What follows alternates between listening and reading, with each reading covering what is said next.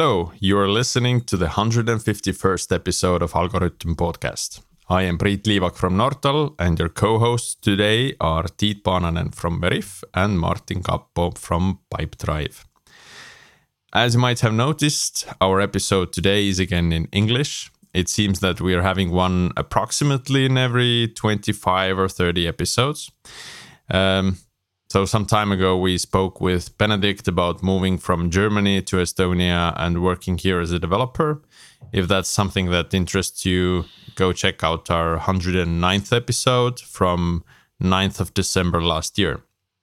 So, that, that was a really good um, episode. I, I kind of re listened it uh, while walking a dog today. So, um, some good points there. Yeah, so one day we just covered the whole Europe. So Germany, Yes. Now Yes. France. So this is our expansion plan to do it. Uh, So, so if we do it like once per year, then it would take us how many years to complete all of the European map? yeah, I, I think we need to speed it up. uh, but today, today our guest, uh, guest is uh, Pierre Fouchet, a developer who also decided to continue his career in Estonia and came to work here at Dynatrace. Welcome to Algorithm. Thanks. So let's let's start a bit about your background, uh, way So- back before Dynatrace. So Pierre, uh, first, uh, uh, I assume you are not avid algorithm listener. So it, have you heard about algorithm before? Not really. Okay. No. Okay. Yeah. Yeah, we So need we need to do more English opportunity. episodes. Yeah, I was trying to find to- videos and uh, oh podcast in English, and the last few were in Estonian. So Yeah, okay.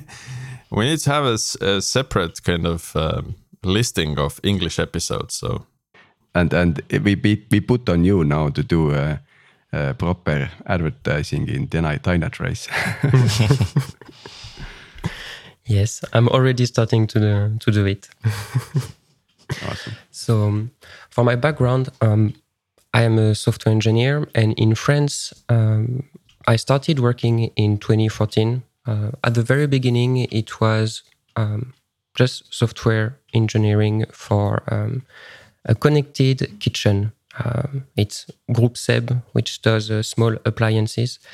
Um, I had some other experiences um, with Enedis, which is uh, in France, is uh, quite something you can't miss because it's handling the electricity network of the country. So it's quite big, and they had a very big project in the town I was uh, living before in Lyon, in France. Um, it was so it's always software engineering, uh, mainly Java, um, and I discovered some full stack um, development. So Java with Angular. That was very nice um, because it's a great way to do new things in the same programmation kind of mindset. Um, but um, at some point, I was thinking that I wanted more challenges or something new. So that's why um, I started looking for uh, moving out of France. Um, and that's why I'm here uh, in Tallinn today. so in in France, uh, I understand the, the company who manages the electricity grid is, is a big enterprise. But about the connected kitchen, was that kind of a startup like uh, organization or, or more like a established? It was established. It's more like an industrial company that was trying to switch to um, a more digital company. So it was quite interesting because they have very big processes in that kind of industry because they were manufacturing pan and um, cooking things. So it's really manufacturing. And they wanted to do a connected kitchen. So it was like two processes colliding and it was not really smooth every time. But uh, yeah, it was an interesting challenge, more um, human challenge. Right. So, so Pierre, uh, tell me, are you an exception in a way, looking for opportunities outside of France, or this is something that uh, people are doing more and more these days? Um, I think more and more people are thinking about moving out or moving, generally speaking, uh, because I would say because of the COVID, maybe it made people think a lot, and at least for me. Um, but so moving out, I would say I'm not really sure if a lot of French are ready to leave the country because there is quite a strong barrier language. Uh, mm-hmm. We have quite a bad reputation with our language skills. Like we are not really proficient with English and uh, other languages, and I think French people really believe in that, even if it's not ex- really true, or even if you can still work abroad if you don't have a perfect English, it is fine. But uh, I think there is some kind of censorship. I mean, uh, the the French people that I've heard, like uh, almost everyone that I've worked with, have strong accents, but it doesn't really matter if you're in an international company. It feels like because everybody has their own accents. I have mine the the uh, what the German people have theirs, and then the, everybody has their own type of thing, and and and it's kind of interesting actually in a way. So yeah, it, from an Estonian company's perspective, I feel like it's it's a really cool thing to have different kind of nationalities, even if the English is well, everybody has their accents. You know the words, but the accents, right? Yeah, but I guess we are feeling more bad about it than others. you shouldn't. Um, so you started in 2014, but uh, when did you decide you want to move to Estonia, and what was the actual kind of what was your reason behind it? I would say it started with the after the second lockdown in France. Um, so it was somewhere in 2021, I believe, or end of 2020. I don't really remember now. But yeah, it's um, all fuzzy times for us as well. Yes, we're so focused in just going through it. Um. I would say during the COVID, it was fine because it was more you have to react to what is happening. So you change your habit, you continue working. It's all new and somehow it's an adventure. And then after that, at least for me, it was like okay, um, I've seen what it was to live in some kind of parallel reality where you don't do the thing you used to do. And at that time, uh, I was understanding that some things I was doing just because of habit, it was really not good for me. Um, and the work I was just doing because uh, you start something and you just continue doing it. Um, it was not working anymore for me. Um, so let's say after the second lockdown, in my mind, something just clicked and it was just, okay, too much. The work is not the right thing. Uh, I had some, before I had dreams of working abroad and um, I just left them in a corner because because life happened at that time. Um, so, so many things, uh, I had the opportunity to reflect on it and uh, I just it was the right time. Mm. I, uh, I kind of get the sense that uh, that you went through many things at the same time, and that was actually the result of it. A perfect storm. Yes, I guess. uh, but uh, how did you find Estonia? Did, did you did you find Estonia and then you found Dynatrace, or did you find Dynatrace and that led to Estonia? Um, so I had in mind it was like two lists. Uh, I had the list of the tech companies and the list of the countries that were uh, matching my criteria. My criteria were about working in an English environment uh, because just learning completely uh, the language of the country is just, uh, I think, too much for me. Just English working environment is very fine. Um, so in Europe, I would say a lot of countries are good enough, but uh, a colleague was saying that in Estonia and in Tallinn, people were speaking a lot in English, or it was really fine to to live as a foreigner in Tallinn. So um, it it stood out a little bit from my list. Um, and then um, for the tech part, I wanted to go into a company that was doing more technical, handling more technical issues. Um, because even for the so for the kitchen, the digital kitchen thing and the electricity grid, it was more like crude application.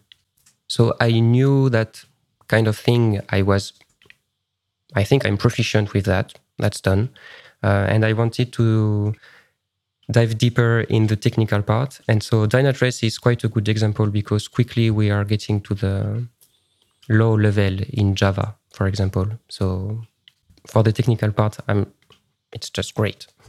Yeah, it's it's interesting that you mentioned the first part that you you heard that uh, in Estonia there's a lot of English. From what I've heard from people who have lived here for a while now, um, it's even like actually the turns are the other way around. Whereas they, if they wanted to learn Estonian and go to a store and want to practice, like, mm. and then whenever Estonians hear like a subtle hint of accent or whatever, they like, start talking. Okay, this guy is from me, bro. Yeah, exactly.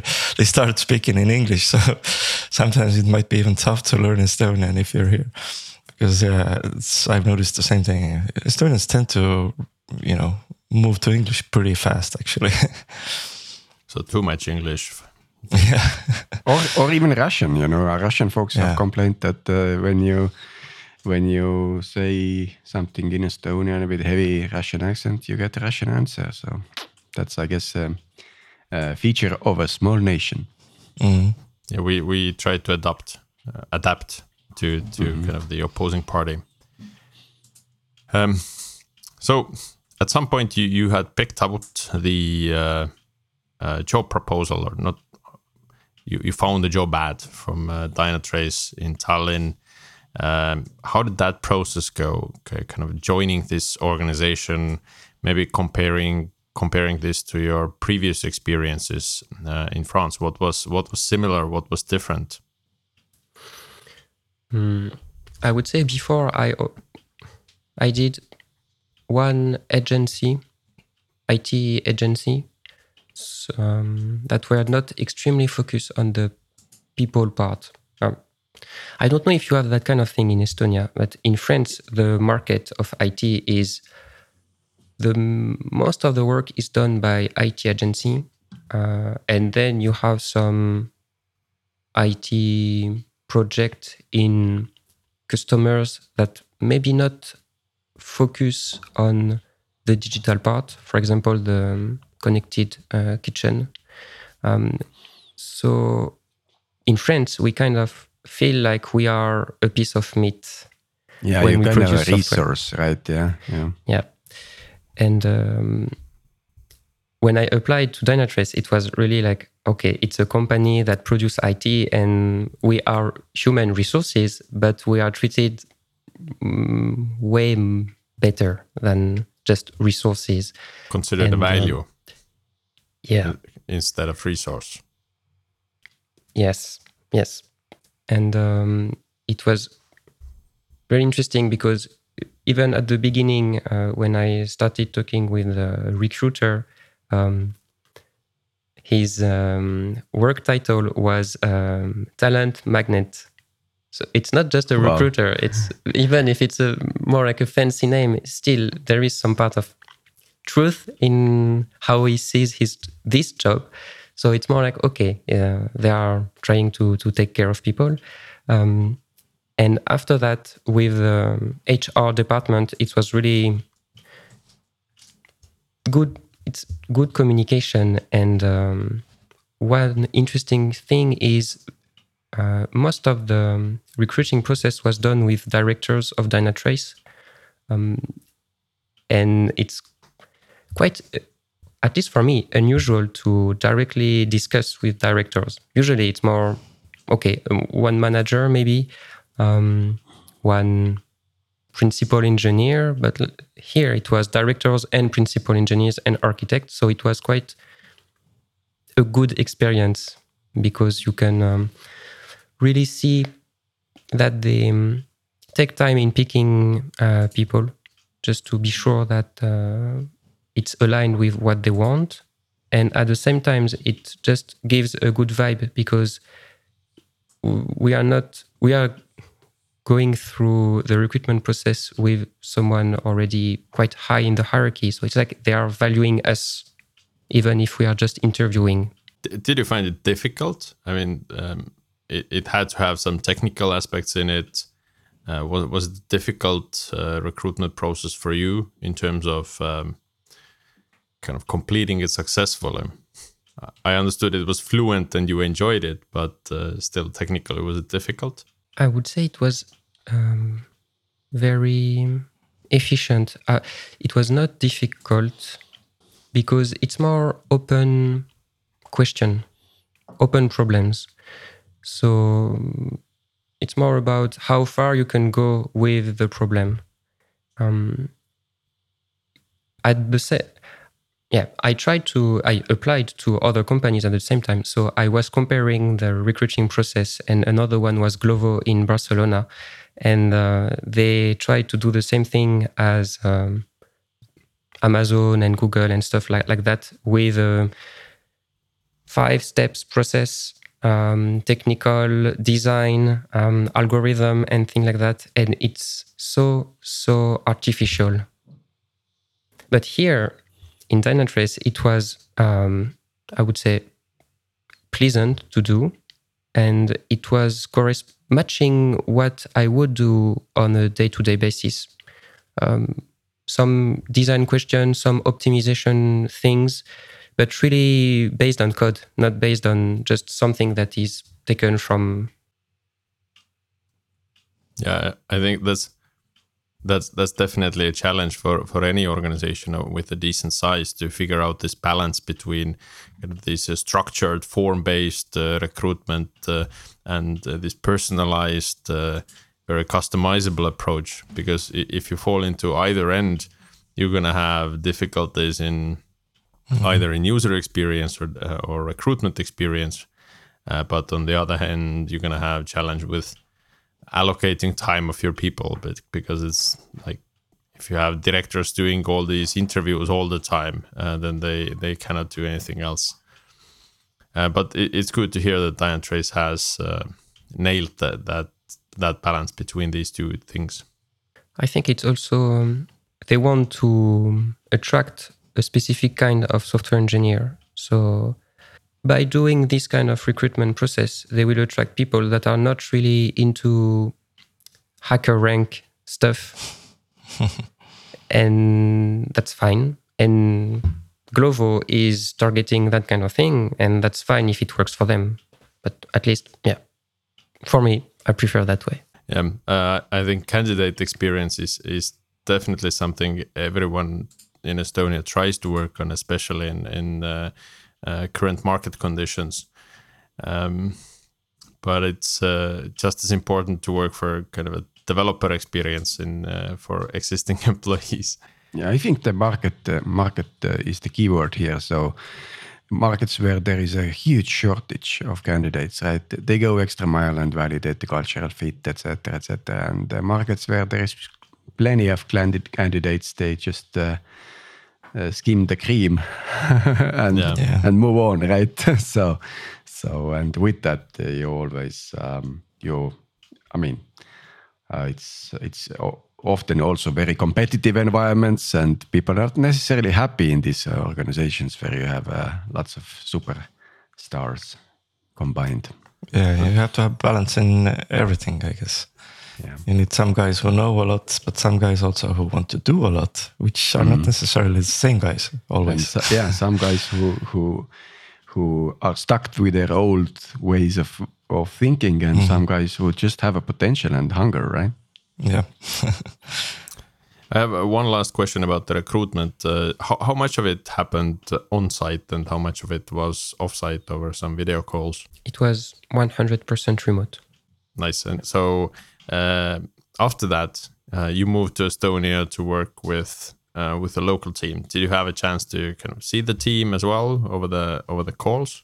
Um, yes, because the first um, recruitment interview was with directors uh, from Linz, um, and the second one was with architect and engineer from Tallinn Lab. When you arrived to Estonia, uh, what were your first uh, experiences? What happened next in terms of uh, organizational onboarding? For the onboarding part, um, I had uh, an accommodation uh, paid by the company, so it was very smooth. I just arrived uh, at the end of the day and picked the key, and it was settled. Um, and then I started working and found my my flat. Um, also had some help for the um, administrative part um, about registering the living address and things like that. Even if it's quite easy because I'm coming from France, so I don't need visa, it's still always good to have someone around to explain you should go to this place first and re- register and then doing other things and get your id card. Yeah expl- explaining how, how the how things work here um, kind of a support in that.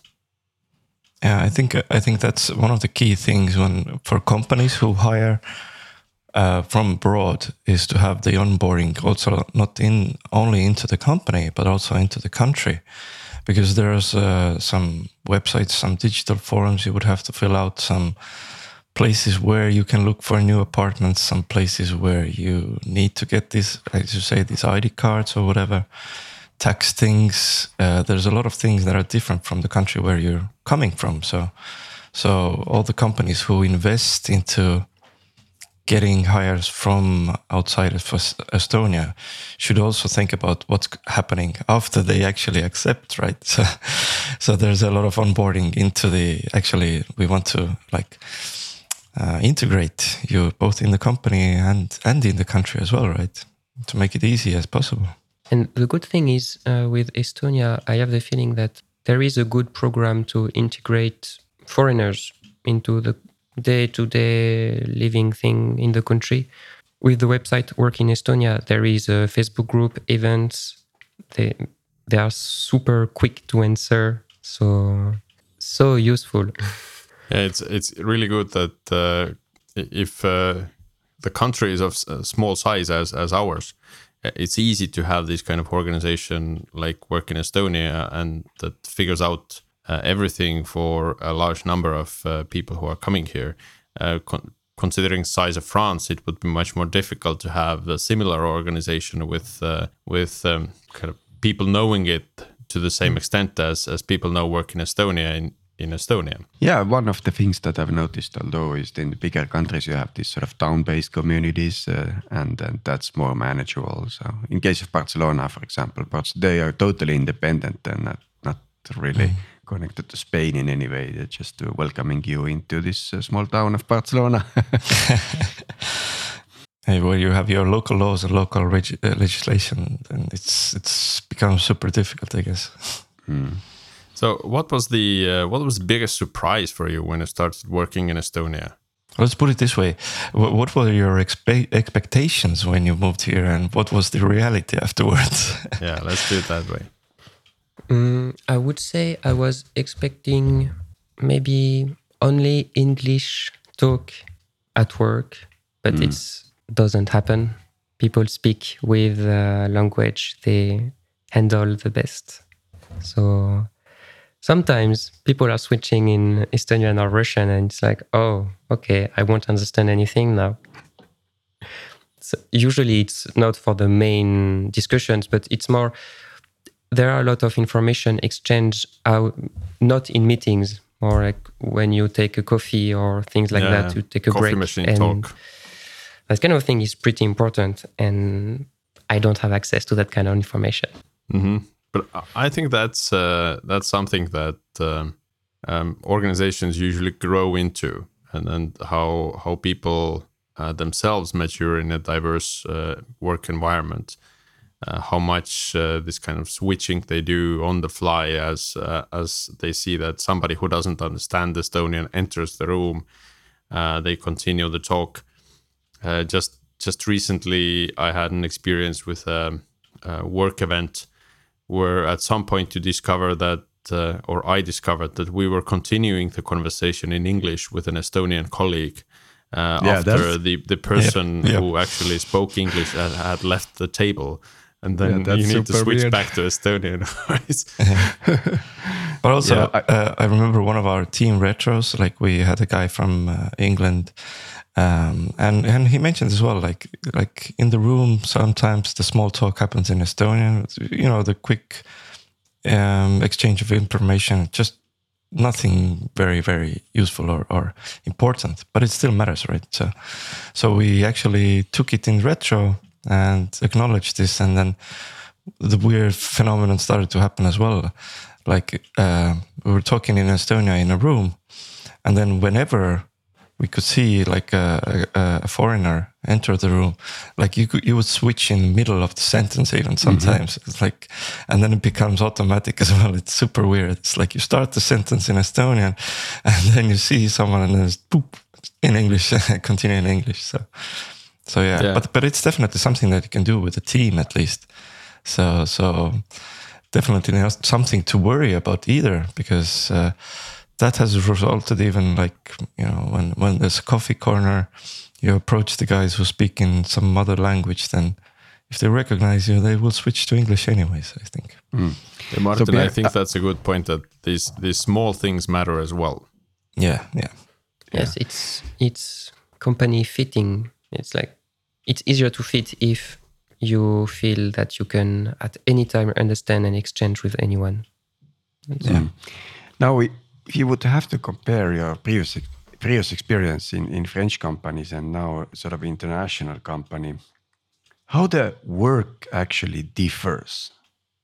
Uh, Is there an attitude difference? Is there, um, I don't know, speed, pace, um, agility, Yeah, velocity versus- difference. Yeah, I'm not sure there are a lot of difference because um, we use Scrum methodologies uh, or Kanban. It's we produce Jira tickets and uh, stories, and we do review. So it's it's really similar. Um, so I would say we work the same way. I think. Uh, oh no, there is one thing that is really different. Um, here, we really don't care about the um, time. It's more like you have to do something, you do it. But if you arrive at ten in the morning and leave at eight, that's your problem. In France, there is um, something that I don't know why people think they have to be there nine to six or just nine to seven, and even if they do nothing between six and seven, they will still be there because um, the boss is around and they have to just be here and show that they're here. So it is refreshing. It's Yeah. it's refreshing to be more efficient in in a way that actually get the work done and instead of just hang out in the office. Yeah.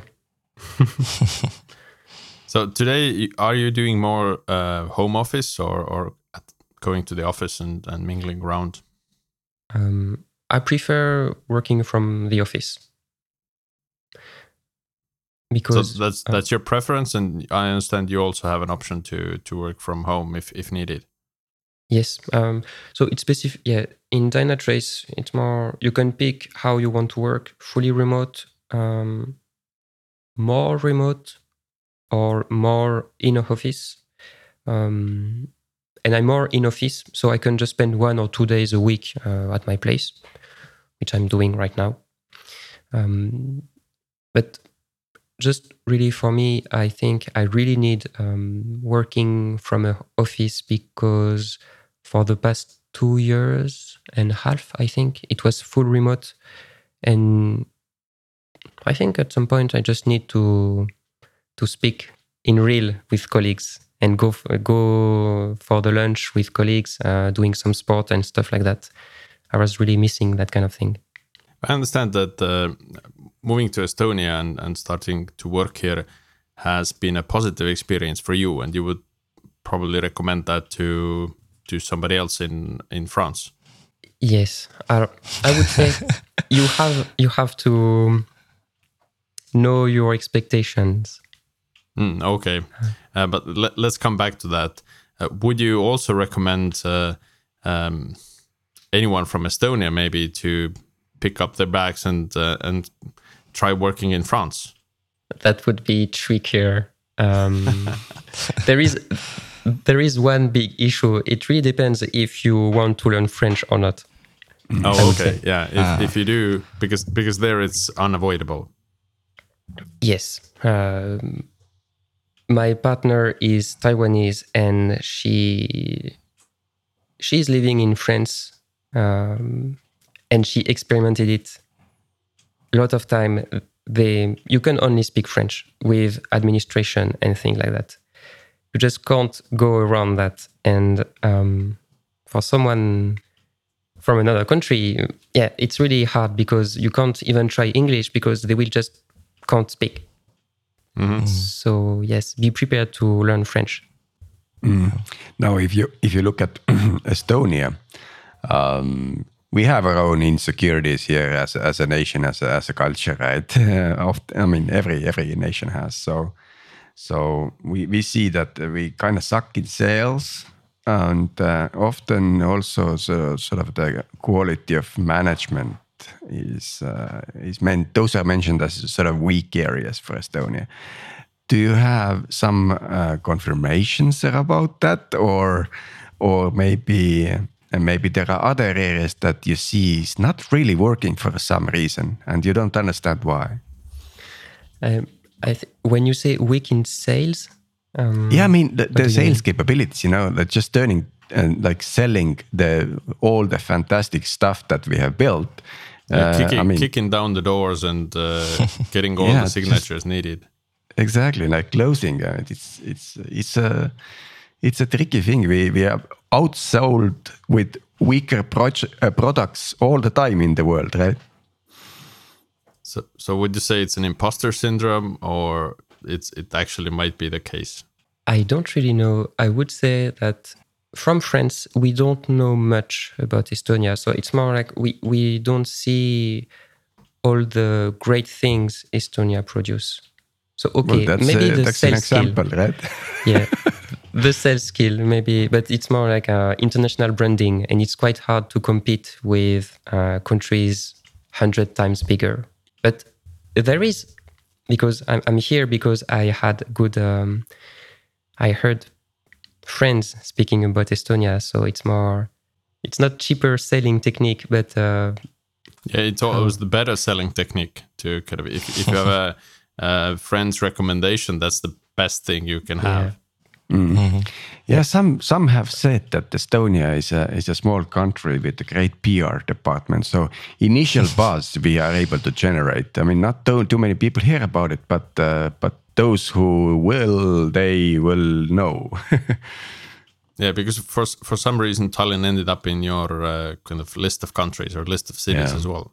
so I think it's yes. it's still weird for Estonians, I think, to understand, to realize that that other people might actually know what what Estonia is and what Tallinn is, because compared to other big countries and and uh, maybe the I don't know feel like uh, big countries don't care about uh, learning about smaller countries that much, or I don't know how, how it feels like. Why why do we feel this way? What do you think? I have the feeling it's more like no one really care about anyone, but other countries push almost naturally things to other countries.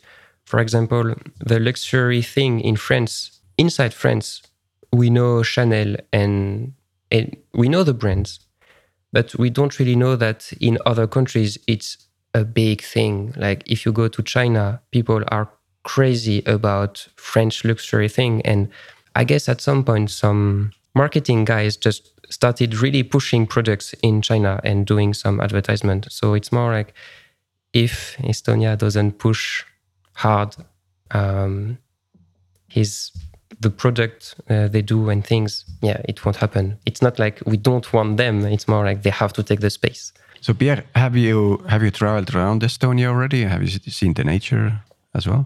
Uh, I was in Tartu. I tried Tartu, and uh, oh, also um, we had um, some kind of um, day with the team in a camp somewhere in uh, in Estonia. That was Ah, nice. you had the forest, yeah.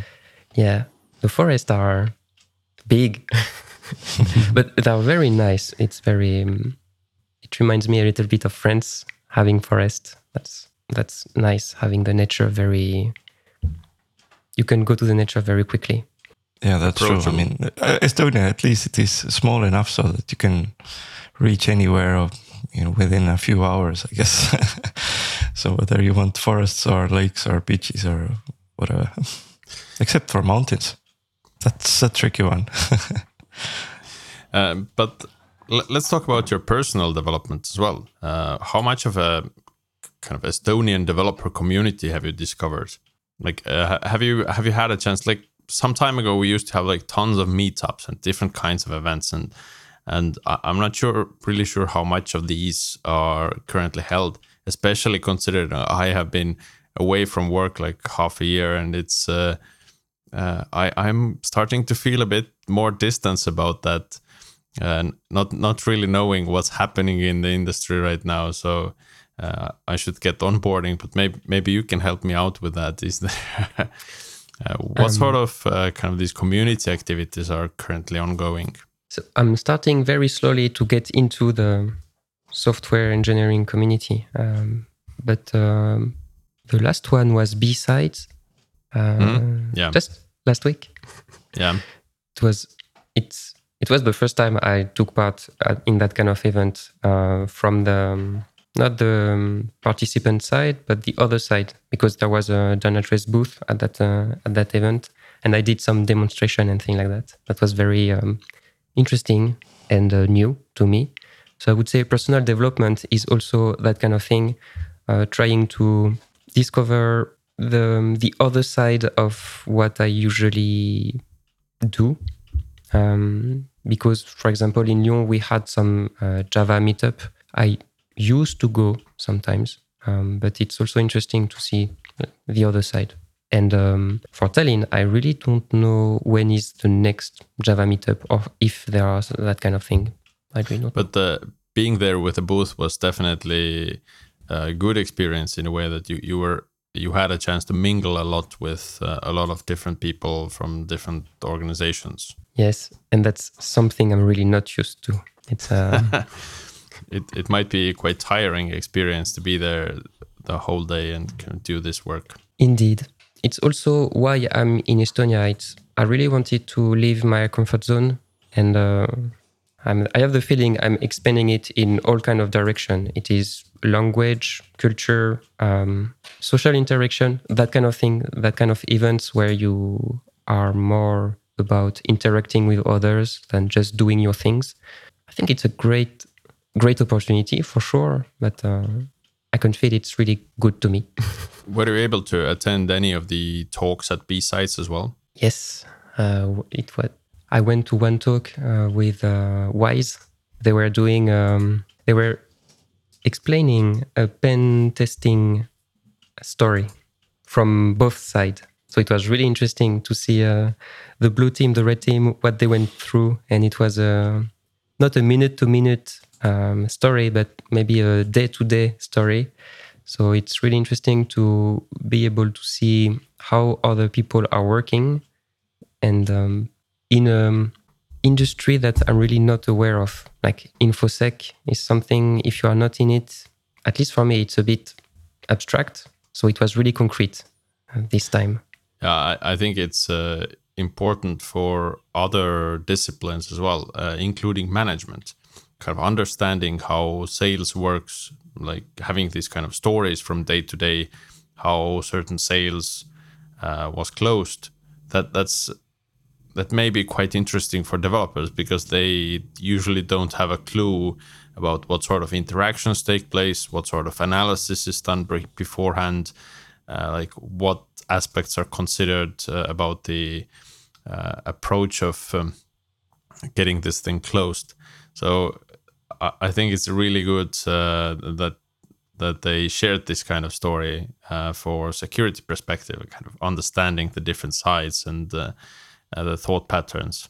Yeah, I also think it's it's more like it depends for everyone. Everyone is going through their own journey, and I know that at the beginning of my career, I was really focused on the um, technical side. It was about developing features. And more and more, I can see that, okay, it's something I can do. I know how to develop. So now it's more like uh, thinking about a larger picture and integrating new elements. So at some point, it will be really the um, user focus. Um, maybe at some point, the sales part. But yeah, extending the point of view. Um, so, how big of a life life changer has uh, Estonian e-government been compared to France? Have you had any contact with uh, kind of online services? Um, it is so nice. the e-services are so nice. You can do everything with just one card, ID card. You get quite quickly. Um, I'm still exploring the possibilities with this ID card, but uh, I have the feeling it really helps a lot. You can just I can already connect to so many things, and I didn't open account or link accounts like checking the health website to see the previous checkups and things like that. It's already ready for the um, taxes and things like that. There is already an account and I can see things and it's in English. That's a very great thing. So it's easy, yeah, it's helping a lot. Yeah, I, I, recently had an experience when I discovered that uh, I don't have a health health insurance uh, due to human error in one of the uh, government agencies. It was kind of stopped or cancelled, or some data was not forwarded to certain places. And if I hadn't had the chance to actually sign in and notice that, um, who knows what would have happened? I would be would have been in, in a big trouble at some point when when I actually needed it, uh, and starting to do the communication then would have been real challenge. So um, maybe I think Est- Estonian e-government is definitely one thing uh, that Estonians probably take for granted, and uh, something that is really appreciated by uh, by people who are moving here. Uh, do you think of anything else like that that uh, Estonians probably take for granted, but uh, that's really appreciated when moving here? I don't know if it's taken for granted, but um, Bolt Auto when you can just rent a car everywhere in city. That's just marvelous. yeah, fortunately, they're they're now in in so many different uh, different countries as well. And not in France. but recently, I I just uh, had an opposite experience. I enjoyed uh, grabbing a taxi in front of an airport, just sitting in and going going to place instead of trying to look up the app and figure out where the car is arriving and uh, kind of doing all that hassle, waiting for several minutes. I was just able to sit in and go. Old school. Old school, yes. I think I paid in cash as well. yeah, yeah. I have say, I have had same that I actually walk out of the taxi realizing that I haven't paid. Yeah, I can't even remember actually last time I had to pay in a taxi to be honest, like because now I just walk out and that's it. yeah, it's seamless. It just yeah. works out. Um, but is there a but is there something that you actually miss that is like uh, that what you were used to in France, but it it doesn't exist here or is not as prominent maybe as as it was in France? I would say the public transportation is more developed. That's why it's also great to have Bolt car here because otherwise it would be very complicated to move around. Uh, also wanted to to ask about money, of course. Uh, so let's talk about real things. Uh, uh, the the structure of the compensation package, benefits, monthly salary, uh, like ta taxes, possible options, etc. Um, what's what's your sort of a view on that when you now joined Dynatrace in, in Estonia? I would say the package itself is quite um, it's interesting. Uh, so for the monetary part, it's interesting. The salary is quite high. Mm. Um, so it's comparable to the salaries in France. Yes, actually, compared so not Paris because Paris is quite ah, yeah. something different, but uh, compared to Lyon, it's uh, same or in almost it's more important in Tallinn than in Lyon. And because in Tallinn structures are bigger, or maybe not structures are bigger, but um, the compensation package might even be more interesting with um, stock options and things like that. In Lyon, I'm not really sure it's easy to to get some stock options because for the companies, mm, so maybe they're not on in the market, so no stock options, and um, would be harder. And another thing that is really interesting is everything that is not monetary. Um, at least in Dynatrace, I guess you can find it uh, in other companies, but in Dynatrace you have access to the Stebby thing. Soon we will have access to the Stebby thing. Um, and there are also for the health. Um, if you need to see a therapist, you can just see it and it will be paid by the company. And it's something so small, but it means so much because it's like take care of yourself, of your mind, and um, even even if it's uh, for their own benefit, it will benefit you because you will just feel better. So it's a small thing, but a big thing. And and these are kind of the benefits that um, where it's difficult to put uh, monetary value or attach monetary value to them because it's uh, it, it creates different different kind of value and and you might it's kind of like an insurance in some ways that you might need it but you don't and if you do then you're going to enjoy having it these are really good things and I, i'm seeing them more and more widespread in estonia Yeah. uh, specifically these um, kind of me- mental health support, um, uh, certain kind of additional healthcare or health insurance, uh, as well as kind of sport uh, sports uh, benefits. yeah, health and sports definitely, you know, they're almost everywhere. Like if you have a company that Yes, so values it's, people, it's the new free coffee. yeah, yeah, Free new free coffee and snacks is the yeah. health and uh, sports benefits. But how how does that compare to like French companies, like in general? Like uh, let's say just an average, what kind of employee package would you expect if you if you were to go to French company in in France? if it's not a startup or a very big IT company, you won't have a therapist, uh, free snacks. You won't have s- equivalent. I'm not sure because in France, um, I think it's more. There is more protection. There is more law that define benefits to the um, employees. So companies just follow strictly the law. And one, for example, one of the benefits is um, the employer has to pay for half the public transportation uh, month um, subscription, and the employer have to give something like four euro for the lunch of the employee. So it's a nice benefit, but it's by the law. Yeah, it's it's actually interesting that uh, the, the it has leaned towards that. So if, if government is regulating benefits, then companies are doing just that and nothing more. If a government is not regulating the benefits, then it's a lot more uh, freedom and flexibility, and uh, surprisingly, organizations do even more.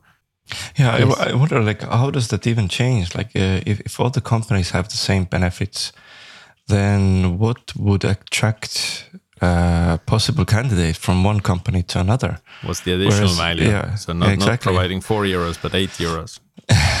because in Estonia, like if you, if you have a company which values uh, employees a lot and has all these benefits, you you might be inclined to like towards these companies more, right? So so what's what's the edge in French companies? Like how how do you get an edge over other companies? I think it's it's salary. Okay.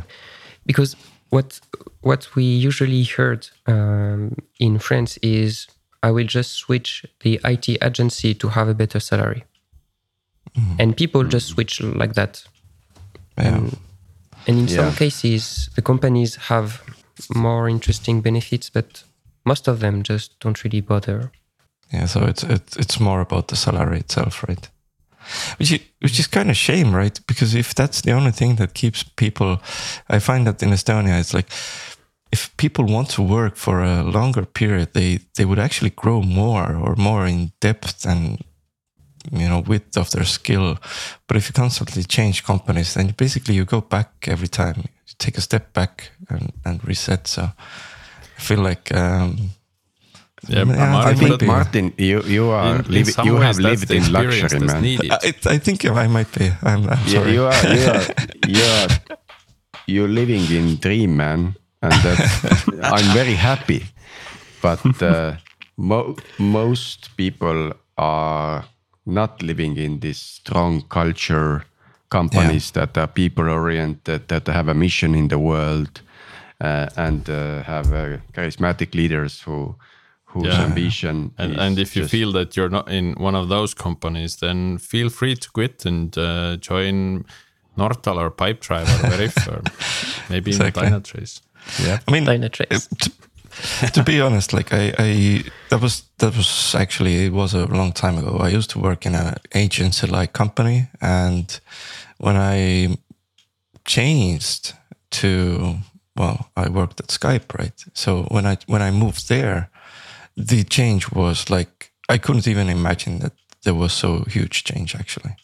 And it's not only about the salary because the salary wasn't at that time it wasn't much higher, but everything else like inside that company, I was like night and day basically when you change from an agency to a company which has like a long living product which wants to grow their product, right? So so definitely definitely differences here. I, So I, I then co- encourage people to kind of have these experiences. It, it makes sense to experience both sides, but Yes. but also I'd encourage people to consider um, kind of look back because sometimes uh, people tend to only look forward and see that I, I worked in a service company now I'm in a small product company I don't like this either um, I should go to a big product company or maybe to design company but maybe the the initial kind of um, choice was uh, was the best one and um, now you have additional experience to come back and make that position a kind of a new thing so looking back, I, I think it's a thing, just like health benefits and uh, sports benefits. Is a new coffee. I, I would also say that um, the culture is extremely important. It's The organizational culture, you mean? yeah, or yeah, the company culture. It's more like you can get into a company for the benefits, but you would stay for the culture. Yeah, because that that's difficult to sell. Everybody's saying that uh, we have an awesome, uh, awesome culture, uh, but actually uh, explaining what it means uh, in in an interview or series of interviews, it's it may be difficult. it's tough. You have to experience it actually to understand what is the culture, right? But when when talking about culture, maybe to the end we can we can talk a bit about uh, differences between um, kind of cultural differences between uh, teams in France and in Estonia. What what have been the cultural differences you have uh, discovered? Like one thing you mentioned was the staying at the office at certain hours. I, I would say that's that's kind of a cultural difference. But anything else in like that? I would say less chit chat in Estonia. Generally Yes. speaking, so it's also true at work.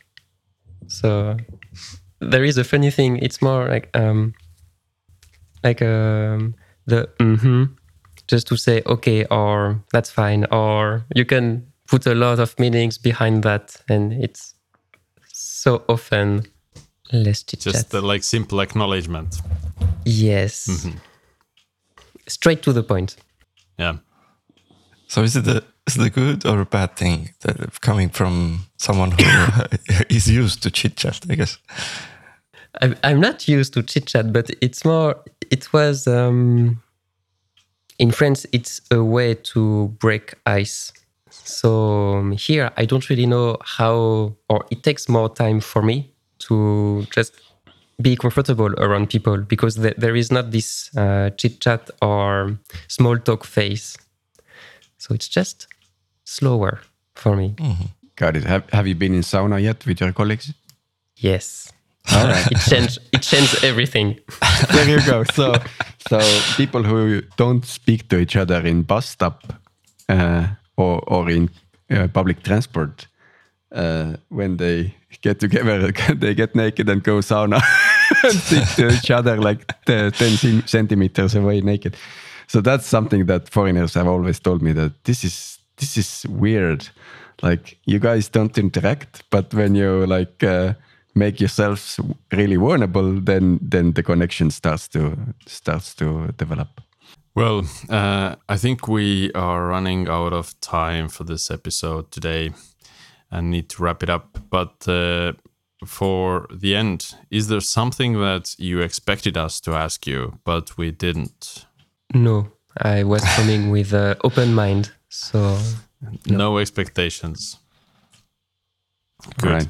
So let's uh, let's wrap it up then. Uh, but if our listeners have any further questions uh, on this topic or to Pierre, then uh, uh, feel free to post them as comments to the to our Facebook posts about this episode, and uh, we we sure try to get them answered thank you, Pierre, for attending uh, or joining us here. Uh, thank you to our listeners, uh, as well as thank you to Martin and Tiit for joining me here today. And uh, we'll hear you again in next week. Thank you.